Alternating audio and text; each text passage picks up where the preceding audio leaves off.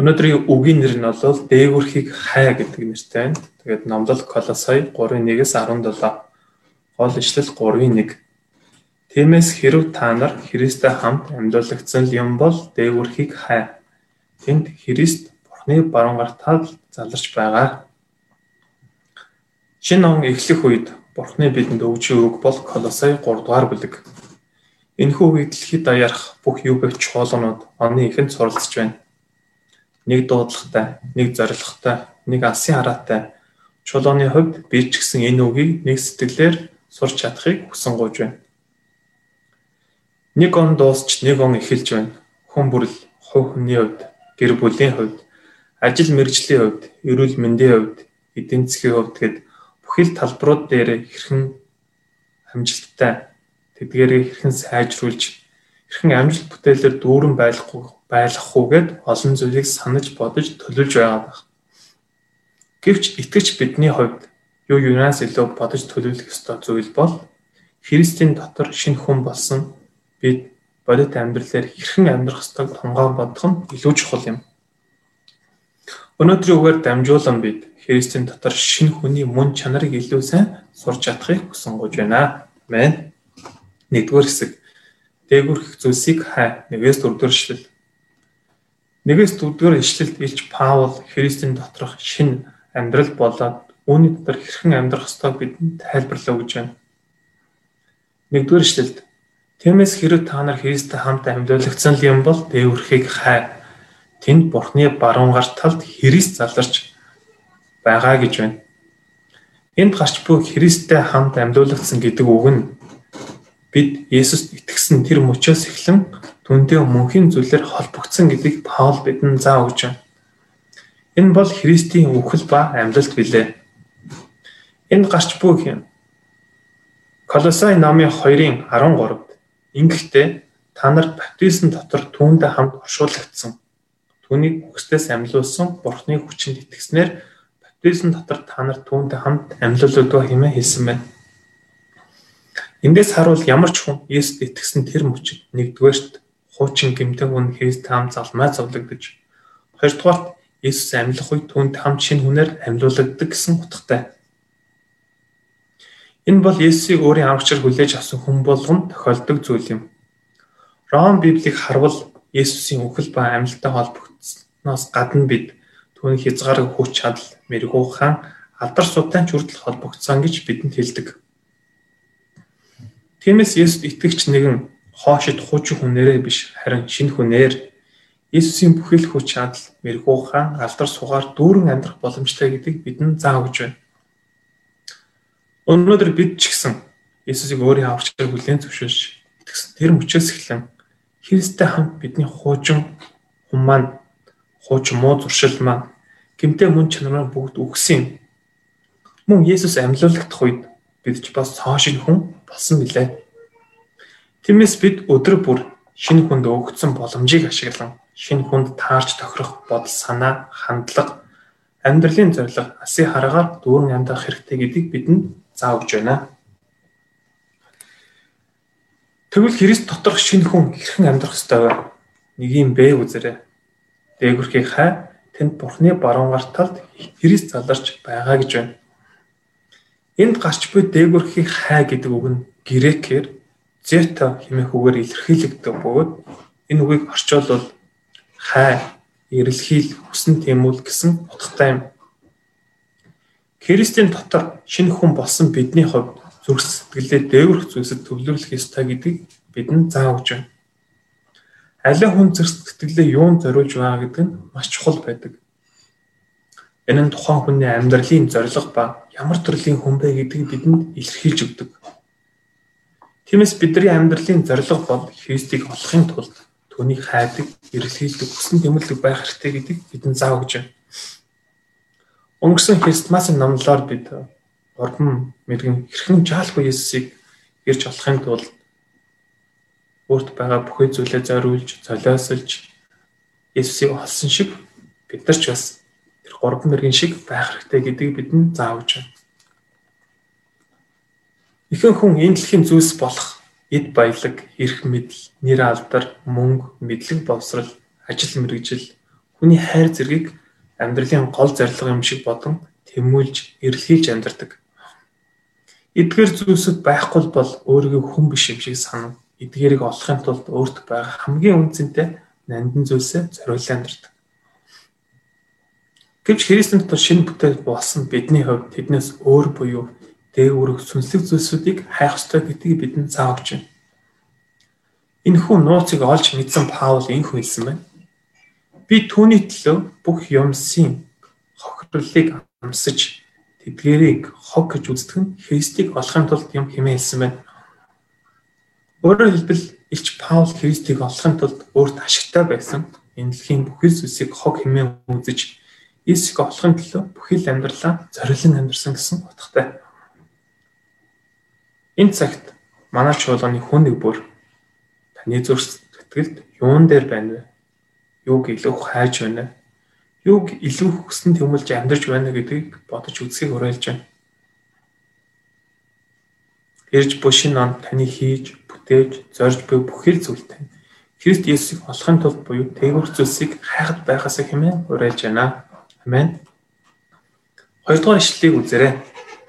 Газар дээрх зүйлсийг газар дээрхийг бус дээгүүрх зүйлсийг ирэмэлзээ гэж байна. Энд хэрхэн дээгүүрхийг эрен хайж амьдрахыг бидэнд заав гэж байна. Энд гарчдаггүй дээгүүрх зүйлсийг ирэмэлз гэдэг үгийг англи хэл дээр инхүү бичсэн байна. Set your minds on things above хэмээн англи хэл дээр бичигдсэн байна энэ энэхүү англи өгүүлбэрээс харах юм бол your minds гэдэг үг нь set your minds гэдэг нь юу гэсэн утгатай үг байвал монгол руу орчуулбал тийм бодол санаагаа тавь гэсэн утгатай байна.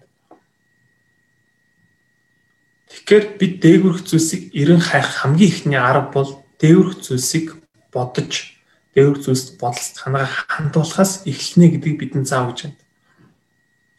Ер нь ер нь аливаа хүн юу бодон амьдарч байгаа нь маш чухал байдаг.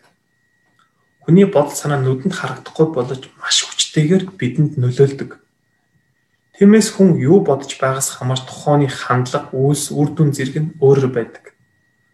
Тэгээ та бүхэн бас мэдэх бах ийм нэгэн үг байдаг. Хүний бодол санаа үг болдог. Үг нь үйлдэл болдог. Үйлдэл нь амьдралын зуршил ба хэм маяг болтгоо гэдэг үг байдаг. Тэгэхээр энэчнээс харвал бидний юу бодож байгаа маань бидний хамаар хилэгдэж бидний амьдралд үйлдэгдэж бидний цаашлаад бидний амьдралын хэв маяг маяг зуршил болдог гэдгийг бидэнд хэлж байна. Тийм учраас бидний хувьд юу бодож амьдрах нь маш чухал. Тиймээс Ром номонд инх хэлсэн байна. Ром номын 8-6-ад Махбодийн бодол санаа бол үхэл, сүнсийн бодол санаа бол амба амар та амар тайван билээ гэж хэлсэн байна. Хэрэг бид Махбодийн буюу энэлхийн зүйлсийг үрж бодсон амьдрал өөрөө ч мэдлгүй тэгэр зүйлсийг ярьж, эрен хайж үлдэж амьдрах болно. Харин эсвэргээрээ бид дээгүрх зүйлс буюу сүнслэг зүйлсийг бодож амьдрал бид тэдгэрийг өөрөө ч мэдлгүй ярьж үлдэж эрен хайж амьдрах бүгд эцтэй амба амба амар тай амар тавныг эдэлж амьдрах болно. Тиймээс Христийн дотор шинэ хүн болсон бид дээврэх зүйлсийг үргэлж бодож амьдрах ёстой. Гэвч бидний бод амьдралыг харуул дээврэх зүйлсийг хайж амьдрахаас илүү энэ дэлхийн нүдэнд харагдах зүйлсийг бодож хөөцөлтөн амьдрдаг. Тэгвэл бид яавал дээврэх зүйлсийг бодож сүнлэг зүйлсийг те эвлэхийж амьдарч чадах вэ? Энэ бол бид үргэлж дэврэх зүйлсийг бодох тасгал хийх хэрэгтэй. Өөрөөр хэлбэл бид өдөр бүр дэврэх зүйлсийг бодох орчин нөхцөлийг өөртөө бий болгож өөрийгөө сүнслэг тасгалаар тасгалжуулах хэрэгтэй гэсэн утгатай үг юм. Тэгэхээр та бүхэн сайн мэднэ. Фитнест явдаг хүн 7 өнөө бүрийн тасгал хийснээр дамжуулан том том болчинтай болдог тийм. Яг үүнтэй адилхан бид сүнслэг тасгалыг өөртөө байнга хийх үед бид сүнсний булчинтай болдог. Жишээ нь бид өдөр бүр өөрийгөө залбирал зориулах, цагтаа болох. Мөн дээрэс нь 7 нэг бүр 3 юм уу 5-аас дээш өдөр бүр бол заавалчгүй иднэ гэж шийдэх. Тэгээ түүнийг идэх. Мөн 7 нь бол номлоор дамжуулсан сэтгэл заавал бичих хуваалцах. Мөн дээрэс нь Библиас сүнслэг ном сард нэг удаа бүтэн унших. Нэг харсан нэгний Библи хичээл хончиндоо 7 нь бүр заавалч хийх. Мөн дээрэс нь чухал нь ямар нэгэн үйлчлэлт үйлчлэх зэрэг зориуд дээр өөрийгөө сүнслэг зүсэд тасалжуулах шийдвэр гарган үйлдэх хэрэгтэй. Тэгвэл бид эдгээр тасгалуудад дамжуулан дээгүүр зүйлсийг үргэлж бодон үйлдэж амьдарч чадах болно. Тэгээд та бүхэн мэдж байгаатай манай чуулганы мөцгөнч нөөрэс нь хончт маань Библи унших а хар шийдээд ингээд групп нээгээд Библи уншаад ихсэн байгаа. Тэгээд энэ бол бас маш сайн тасгал байгаа. Тэгээд манай хончтыг бас яг энэ тасгал энэ хүү хураалгад бас нэг бас өөрсдөө ийм сүнслэг зүйлсэдтэй яг мөцгөнчтэй адилхан ингээд сайн өөрсдөө тасгалж болохоор шийдэж эхлэхний эхлээсээ ч хүсэж байна. Эдгээр зүйлс маань юу болох вэ гэхээр бидний үргэлж дээгүүр зүйлсийг боддог. Үргэлж дээгүүр зүйлс ерэн хаяад бидэнд тусалдаг зүйл учраас өөрсдөө ийм зүйлсэд уриалаасаа хэмээн ер үрэг зүйлс иймэрхүү зүйлс өөрийгөө зориулаасаа хэмээн уриалж байна. Мэдээж бид альва зүйлсийг эхлэхэд тасарч өгөхгүй хэцүү полимер санагдахгүй байдаг. Гэвч бид үргэлжлүүлэн хийсээр байх үед амьдралын дадлбаа зөв хөвшил бид болдог. Энэ цагт манай чуулганы хүн нэг бүр 2021 онд зориудаар зориудаар албаар өөрийн сүнслэг тасгалыг шийдвэр гаргаснараа үргэлж дээгүүр зүйлсийг хайдаг, боддог сүнсний дархлаатай хүмүүсүүдээр өсч чадахыг сонгож байна. Амен. За, одоо бид нэр 3 4 дэвшлийг үзээрэй. Илч Паул яагаад дээгүүр зүйлсийг хайх шалтгааныг энд бидэнд тайлбарлаж өгч байна. 3 4 дэвшлийг хэлсэн мэн. Учир нь та нар өгсөн бөгөөд та нарын ам Христ ханд бурханд нууцлагдсан. Бидний ам болох Христ илчлэгдэх үед та нарч бас яруу алдар дотор түнтэй илчлэгдэх болно гэж байна. Бид дээгүрх зүйлсийг хайх ихний шалтгаан бол бидний хуучин хүмүүс өгс учраас юм. Хоёрдугаарт нь Христтэй хамт нууцлагдсан буюу бид мөнх амьтаа болсон. Гуравдугаарт нь Иесийг дахин ирэх үед Христтэй хамт алдар сүрэх хүч дотор ичлэгдэх учраас Өөрөөр хэлбэл эдгээр гурван зүйлийг ингээд бүхэлд нь харах юм бол бид Есүс Христ итгэсэн тэр мөчөөс эхлэн бидний дотоод сэтгэл сүнсний байр суурь бүрэн өөрчлөгдөж Бурхны хаант улсын иргэн болж хожим Христийн алдар суг хуваалцах тэр гайхамшигтай ивэлттэй ерөөлийг амсах болсон гэдгийг бидэнд хэлж өгч байгаа. Энэ бол үнэхээр гайхамшигтай зүйл. Тэгэд үүнийг ингээд жишээгээр тайлбарлавал ядуу муу хөв заяатай төрсөн хүү хааны хүүгийн байр суурьтай болж байгаадаа яг адилхан. За тэгвэл байр суурь нь бүрэн өөрчлөгдсөн ядуу хүү хаагүй хааны хүү бас ядуу хүү хизээч өмнө ядуу хүн шиг бодож сэтгэж үйлдэж хүсэн мөрөөдөж амьдж болох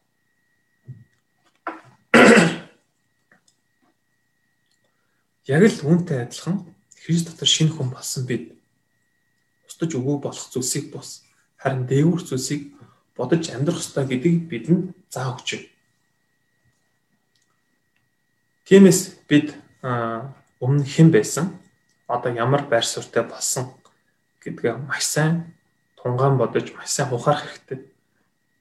Тэгээд хийх ёстойгоо мөн дээрс нь хайх ёстой зүйлээ бодох ёстойгоо бодож амьдрах хэрэгтэй. Хинт хэрэггүй гмийн боол болж шийдвэрлэхээс замгүй байсан биднийг Христийн нандин сар дамжуулан ер бусын гайхамшигтай ивэлийг үзүүлсэн Бурхан Аавда бүхэл алдар магтаалыг өргөж байна. Амен. Хоёрдугаар хэсэг дээврэх дээврэх хэрэг газар дээрх хэрэгтнүүдийг өхүүл 5-аас 11-р эшлэл. Бид Христ дотор шинэ бүтээл болсон ч хууч хүний гинтээ чанар үлдсэн байдаг учраас тэдгэрийг хатуу тэдгэртээ хатуу тэмцэх хэрэгтэй гэдэг Паул бидэнд заа өгж байна. Тэгээд 5 6 дахь линк байсан байна. Тиймээс та нар газар дээрх хэрэгтнүүдийг өхвөл энэ садар самуу, бузар булай, начаал, муу хүсэл, шунхаарл болох шүтэн шүтэх явдал юм. Эдгээрээс болж бурхны хилэн дуулуурын хөвөд ирэх болно гэж байна. Паул энд газар дээр хэрэгтнүүдийг өхүүл гэж маш хатуу үгээр бидэнд хэлж байна. Ягаад гэвэл газар дээрх хэрэгтнүүд нь бидний дээгүрх зүйлсийг сүнслэг зүйлсийг иргэн хайхад саад болдог учраас тэр юм. Тиймээс бид эдгээр зүйлстэй хатуу тэмцэл хийж бүрэн өхүүлэх хэрэгтэй. Тэгвэл газар дээр хэрэгтнүүд гэж юу вэ? Энэ бол садар самуу, бузраг буллаа, тачаал, муу хүсэл, шунхаарал болон шүтэн шүтэг явдал зэрэг юм. Аа маш олон хүн гмийн хүсэл тачаал тавтагдан захварлан гмийн боол болж амьдардаг. Мөн янз бүрийн хүсэл хүсэл шунал тавтан сэтгэл ханамжгүй зовлонтой амьдралаар амьдардаг. Тиймээс бид юу юу юунаас илүүтэйгээр нүгэлт мөн чанараа буюу хүсэл тачааллах нь хамт өхөх хэрэгтэй гэдгийг түндэ тэмцэх ёстой гэдгийг Паул бидэнд энэ цагт хэлж байна. Зарим итгэгчид чуулганд явж Христийг дагаж, Библийг уншиж, Бурхныг дагаж амьдардаг ч гэсэн хуучин хүний хуучин хүний гэмтээ мөн чанарыг хуучин хүний газар дээр хэрэгтнүүдийг хүлээгүйгээс болж янз бүрийн гмийн хүс шуналд автагдсанаар итгэлийн амьдралаасаа холдон Бурхны анх дуудсан дуудлагын дагуу бүрэн хэрэглэгдэж чадахгүй үе байдаг. Зарим тохиолдолд газар дээр хэрэгтнүүдээ хүлээгүйгээс болоод Бурхнаас бүрэн голдох үе хүртэл байдаг. Тиймээс бидний дотор нуугдсан байдаг дээрх гмийн хүслээ газар дээрх эрхтнүүдээ хөл хүртэл тэмцэх хэрэгтэй гэдгийг бидэнд сануулж байна. Тэгвэл бид яавал газар дээрх эрхтнүүдийг өхүүлж чадах вэ? Та бүхэн юу гэж бодож байна? Тэгвэл бид яавал газар дээрх эрхтнүүдийг өхүүлж чадах вэ? Галат номын 5:16-д инх хэлсэн байна харин сүнсээр яв. Тэгвэл та нар мах бодийн хүслээ гүйцэтгүүлэхгүй гэж байна. Эндээс харах юм бол бид ариун сүнсээр явбал мах бодийн хүслээ гүйцэтгүүлэхгүй буюу газар дээрх хэрэгтнүүдийг өхүүлж чадна гэдгийг бидэнд заавж байна. Энд гарч байгаа сүнсээр яв гэдэг нь өөрийн бодол санаа, өөрийн мэдрэмж, өөрийн ойлголт өөрийн хүслийн дагуу бус харин Бурхны үг ба хүслийн дагуу дуулууртай даган амьдрахыг бидэнд хэлж байна. Яагаад гэвэл аливаа хүний төрөлх байгалийн мөн чанар мэдрэмж нь өөрөө мах бодийн гмийн хүслийг гмийн хүсэл шуналлыг гмийн хүсэл тачааллыг үргэлж дээдэлж идэг, үргэлж өдөөж өгдөг. Тэнс бид өөрийн бодол санаа мэдрэмжийн дагуу бус Харин Бурхны хүсэл ба үгийн дагуу амьдрал бид газар дээр хэрэгтнүүдийг хүүлэн амьдарч чадна. Энэ цагт Бурхан бидний хүн нэг бүрд газар дээр хэрэгтнүүдтэй хамт тэмцэл хийх сүнсний хүч чадлыг өгснөөр Христийн татах шинэ хүнээр амьдруулж өгөхийг хүсэн гож байна. Амен. Одоо 7-оос 9 дугаар эшлэлийг үзээрэй. Энд итгэвтэйгээр бидний орхих ёстой зүйл нь юу вэ гэдгийг бидэнд зааж өгч байна. 7 8 дугаар эшлэлд инх хэлсэн байна. Аа та нар тэдгэрийн дотор амьдарч байхдаа үнэндээ тэдгэрийн дотор алхаж л явсан. Харин эдгээр та нар бас уур хилэн, хорон санаа, гүтгэлэг болон амнаас гарах чигшүү төгс бүгдийг зайлуулж хаягтун. Би биендээ худал буяар яагаад гэвэл та нар хуучин хүний үйлдэл тайлж гэж байна. Энэ ишлүүдээс харуул бидний идэвхтэйгээр хаях ёстой зүйлсийн тухай бидэнд заа өгч байна. Энэ бол хүмүүсүүдийн дунд гарч ирдэг харилцааны асуудал болох уур хилэн, хорон санаа, гүтгэлэг болон амнаас гарах чигшүүд үгс зэргийг бидэнд хэлж байна. Тэгээд та бүхэн мэднэ аливаа хүн байгаа газар хүн хоорондын харилцааны асуудал заавал чуг гарч ирдэг байна. Тэгвэл Христийн дотор шинэ хүн болсон бидний хувьд тэдгээр хүмүүс байгаа газар гарч ирдэг. Тэдгээр асуудлууд хэрхэн хандах ёстой вэ гэдгийг бидэнд заавж байна. Зарим хүмүүсүүдийн хувьд нэг уур бол сар, жил тэгээд тэрнээс жил урт удаан үргэлжлэх үе байдаг. Харин зарим нь уурсан ч гэсэн тэр дороо мөрддөг. Гэвч хурдан ч бай, удаан ч бай уураа бид хаях буюу захирж захирж сурах хэрэгтэй гэдгийг бидэнд Паул хэлж байна. Худал яриа болвол сатанаас ирдэг бөгөөд бүх муу зүйлийн үнс олдоо гэж байна. Ялангуяа гэр бүл хоорондын харилцаа, мөн дээрээс нь чуулганы итгэгчдийн хоорондох харилцаа худал биш үнэм зөв дээр байх хэрэгтэй гэдгийг бидэнд хэлж байна. Хэрэг бидний харилцаанд худал зүйл байвал сатан бидний дунд ажиллаж бурхны ажлыг хийхэд бурхан дотор өсөхөд бидэнд үргэлж саад болдог. Мөн бидний амнаас гарах чигшүүд үгс, муу үгс буюу бие биенээ доромжилсан, гутаасан, янз бүрээр хэл хэлж ярьсан үгс бид нар гаргаж болохгүй. Яагад гэвэл үгээр хүнийг алж үгээр хүнийг амжуулж болно гэдэг үг байдаг. Тэнс бидэнд уур хилэн, хормоо санаа, чигшүүд үгс байвал түүнийг тайлан хайж дутуу долимч гэсэндэ үннээрээ би биендээ хандаж бурхны үгээр би биенээ цаг ямагт урамшуулна, босгож байгуулах хэрэгтэй гэдэг бидэнд заавж байна. Тэгвэл бид бурхны зөв ба үнээр суурилсан эрүүл зөв харилцаагтай гэр бүл болон чуулган хүмүүсийн нэгдлийг босон байгуулж чадна. Амен.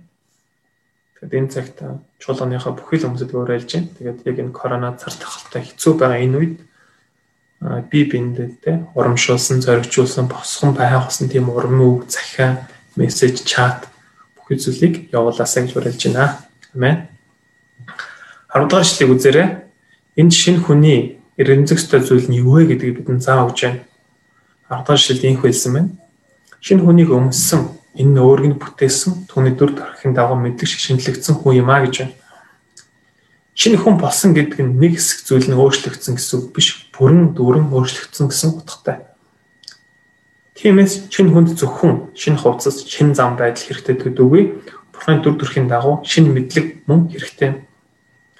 Өөрөөр хэлбэл шинэ хүнийг өмснө гэдэг нь хуучин зан чанар, хуучин хандлага, хуучин үзэл бодлоо тайлж харин шинэ зан чанар, шинэ хандлага шинэ үзэл бодлоор амьдрахыг бидэнд хэлж байна.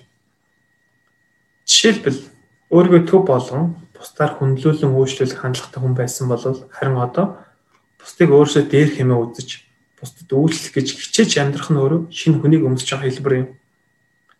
Мөн өмнө үргэлж гутранг альва зүйлийг муугар хардаг байсан альваг эргээр ба зүгээр ихтгэл найдварнуудаар харахаж хичээх нь шинэ хүнийг өмсөж байгаа хэлбэр юм амархан ууралдаг хүн уурлахгүй байх хичээж худал болоод хормог ярддаг хүн үнэн ба зөвийг ярьж төвчээргүй байсан нэг нь төвчээртэй хандах гэж хичээх нь шинэ хүнийг өмсөж байгаа хэлбэр юм. Мөн дээрэс нь та бүхэн мэдж байгаа те бид нар магадгүй зарим онцд мань ярьдаг. Би угаасаа л ойтон те хон тийж чадахгүй гэж хэлдэг. Харин гэвч чаднаа болноо бүтнэ гэд алхаж байгаа нь урагшиж байгаа нь явж байгаа нь өөрөө шинэ хүнийг өмсөж байгаа хэлбэр юм хэдий бид нэг удаа үйлдээд өөрчлөгдөхгүй ч гэсэндээ бид өнөөдөр чадахгүй байсан чинь маргааш чадах гэж хичээх нь чадах гэж оролдож үйлдэх нь үйлдэж байгаа нь өөрөө Христ дотор шинэ хүнийг өмсдөг амьдрал юм. Тиймээс энэ цагт манай чуулганы хүн нэг бүр хуучин хүнд хамрах зүйлсийг бүрэн тайлж хаяхын төлөө өдөр бүр хичээснээр Бурхны дүр төрхийн дагуу бүрэн шинэлэгдсэн шинэ хүнээр өөрчлөгдөж амьдарч чадахыг хүсэн гуйж байна. Амен. 3 дахь хэсэг шинэ хүний өмсөх ёстой зүйл 12-оос 17 дугаар ишлэл. 12-оос 17 дугаар ишлэлд шинэ хүний өмсөх ёстой зүйл нь юу вэ гэдгийг маш тодорхой бидэнд тайлбарлав гэж байна. 12-оос 14 дэх ишлэлд инх хэлсэн байна. Тиймээс Бурханаар сонгогдсон ариун хүйд хайрлагдсдын хувьд та нар өрөв зүрх, энэрл, даруй дэлгөөн зам төвчээрийг өмс Ингэхдээ нэг нэгнээ хүлцэж би бинээ уучилж хэрв хэн нэгэн чинь нөгөөгийн эсрэг гомдол байвал та нарыг эзэн уучлснаа л та нарч бас уужил. Энэ бүгдэн дээр хайрыг өмс харин төгс төгөлдрийн хэлхээ холбоос юм а гэж байна. Энэ үгнээс харвал Христ дотор шинэ хүн болсон бидний хандлага ямар байх ёстой гэдгийг заав гэж байна. Энэ бол тохонд хайрлагдсан хүмүүсүүдийн хувьд сайныг үйлчлэх хүмүүсээр амьдрах хэрэгтэй гэдгийг бидэнд хэлж өгч байна. Өөрөөр хэлбэл бид өрөвч зүрх, аруу дэлгүүн зам байдал төвчээрийн хувцсыг өмсөн босдод ийм хандлагаар хандах ёстой гэсэн утгатай. Гэвч бидний хандлага ямар байдаг вэ? Хүний хандлага. Эдгээрийг мэддэг хэрнээ эсрэгээр байдаг те. Өөрөөр хэлбэл бидний өөрийн мөн чанар өөрийн ирэхгүй. Бусдыг өргөдөхөөс илүү өөрөө бусдаар өргөдүүлэхийг хүсдэг. тэгээд даруу төлөв байхаас илүүгээр өнгөрөө бардам занг илүү гаргадаг. Бусдад хөлцөн төвчээртэй хандхаас илүүгээр төвчиж чадахгүй хурдан уурлах гэх мэтлэн чанартай байдаг те. Тэгвэл бид яавал бусдыг өөрөг зүрх инрэлт аруу зам байдал төвчээрээр хандаж чадах вэ? 14 дэх эшлэлээр хэлсэн шиг бид хамгийн түрүүнд Бурхан Есүс биднийг ямар ихээр өрөвдөж, ямар ихээр хайрлаж, инэрж надад хэрхэн төлөв дараа сэтгэл бол төвчээрээр хандсанараа өнөөдрийн би гэдэг хүнийг би болгосон бэ гэдгийг санах юм бол бид бусдаас тийхүү хандаж чадна. Өөрөөр хэлэх юм бол бид бурхан тийм надад хэрхэн хандсан гэдгийг бид нар маш сайн ухаарч чадвал бурхан хичнээн төвчж, хичнээн өрөвдөж, хичнээн уучилж, хичнээн миний сул талыг дарлж ирсэн дээ гэдгийг санах юм бол бид бас бусдад тийм хүлдэж чадна гэсэн утгатай. Мөн хайр нь төгс төгөлдөр хэлэхэл босоо гэж байна. Энэ бол дээрх бүх чанар хайраас үүдэлтэй гэсэн утгатай. Тиймээс бусдад хандах дээрх бүх чанарыг чанар нь хайраас ундран гардаг бүгд хайр нь бүх энэ бүх чанарын их үндэсэ гэдэг хэлж өгч байна. Тэгвэл бид бусдыг хайрлах хайр бидэнд байвал бид бусдыг өрөвдөн инэрч бусдад даруй төлөвөөр төвчээртэй хандаж уучлах чадна гэдэг зүйлийг заавж байна. Христийн дотор шинэ хүн болсон бид Бурхны энэ л зан чанарыг тэ өөрийн биеэр бусдад харуулдаг. Тийм хүмүүсүүдээр өсөж чадахыг энэ цаг төсөн гож байна. Амен. Паул өнөөдрийн сургаалаа хийхүүд өгнө хэлж байна. 17 дугаар шүтэг үзээрэй. Та нар өв ба үүсээрээ юу ч хийсэн түүгээр дамжуулан эцэг бурхан талархал өргөж бүгдийг эзэн Есүс нэрээр хийх тун гэж байна. Энэ бол Христ дотор шинэ хүн болсонны хувьд юу ч хийсэн түүний нэрийг нэрээр хийгэрэй гэсэн утгатай. Өөрөөр хэлбэл тэдний өв ба үйлдэл нь юу ч хийсэн бүгдийг Есүсийн төлөө хийх хэрэгтэй гэдгийг бидэнд хэлж өгч байна. 1-р Коринт намын 10:31-д ийхүү хэлсэн байна. Тиймээс та нар эзэн ч уусан ч юу ч гэсэн Бурхны алдрын төлөө хийх тун гэж байна. Энэ бол бидний жижигч бай, томч бай, тэ ихч бай, багч бай бүхий л үйлдэж байгаа, хийж байгаа бүхэл зүйлс юмудын маань зорилго нь Бурхны алдрын төлөө байх ёстой гэсэн утгатай байна. Тэгэхээр Христэнтээр шинэ хүн болсон хүмүүсийн хувьд юу ч хийсэн эдсэн ч уулсан ч те. Бурхны нэрийн төлөө бүгдийг хийх хэрэгтэй. Бурхны төлөө хийх хэрэгтэй гэдгийг бидэнд заавж байна. 2021 он дөнгөж эхэлж байна. Шинэ он ирж байна. Тэгээд манай чуулганы хүн нэг бүр шинэ ондоо бидний бүхий л зүйл, бүхий л төлөвлөгөө, бүхий л хийж байгаа зүйл маань түн нэрийн төлөө байснараа амьдралаараа Бурхныг алдаршуулан амьдрч чадахыг хүсэн гож байна. Амен. Дүнэлт Христ дотор шинэ хүн, шинэ амьдралтай болсон бидний хувьд хамгийн чухал зүйл нь дээгүүр зүйлсийг эрен хайж бодох гэдэг зүйлийг бидэнд заавлаа. Бид сүнслэг зүйлсийг бодох гэж хичээж тэмцэх үед сайн туршилт бидний дотор бий болж Христийн дүр төрхийн дагуу өөрчлөгддөг. Бид өдөр бүр дээгүүр зүйлсийг эрен хайж сүнслэг зүйлсд өөрийгөө тасалжуулснаар жижиг Есүсүүдээр өсч чадахыг гооч байна. 2021 онд Христ доторх шинэ хүний хүнээр өдөр бүр амьдарцгаая. Амен. За би энэ зэгцэлтэй. Харта бурхан аав минь ээ. Тэгээд танд баярлалаа. Тэгээд 2021 онд өнгөж эхлэх үе та бидэнд шинэ хүний бодит амьдрал дээр хэрэгжүүлэх хийх ёстой зүйл нь юу вэ гэдэг зүйлийг нэг бүрчлэн нарийн зааж өгсөн эзэндээ баярлалаа. Тэгээд энэ ч гэсэндээ бидэнд өгж байгаа үг гэдэгт итгэж байна аваад тэгээд 2021 оны турш бид өнөөдрийн үгэн дээр гарсан шиг Христ доторх шинэ хүний бодол, хандлага, зорилго, алсын харааны дагуу өдөр болгон амьдрахад тусч өгөөрэй гэж танаас хичээн болонгойж байна. Зэмнээ тэгээ мөн дээрэс нь Христ дотор Христ шинэ хүн болсон бид нар Есүсийн үхэл болон амьлалтай холбогдсонтай адилхан Христийн мэрэгүүхэн хүч алтай хүртэл холбогддог. Үүнтэй адилхан бид байх ёстой. Тэр байр суурьндаа байж байх ёстой байр сумнаас хандаж бодох ёстойгоо бодож хийх ёстойгоо хийж харах ёстойгоо харж өдөр болгон амьдрахад тусч өгөөж гойж байна.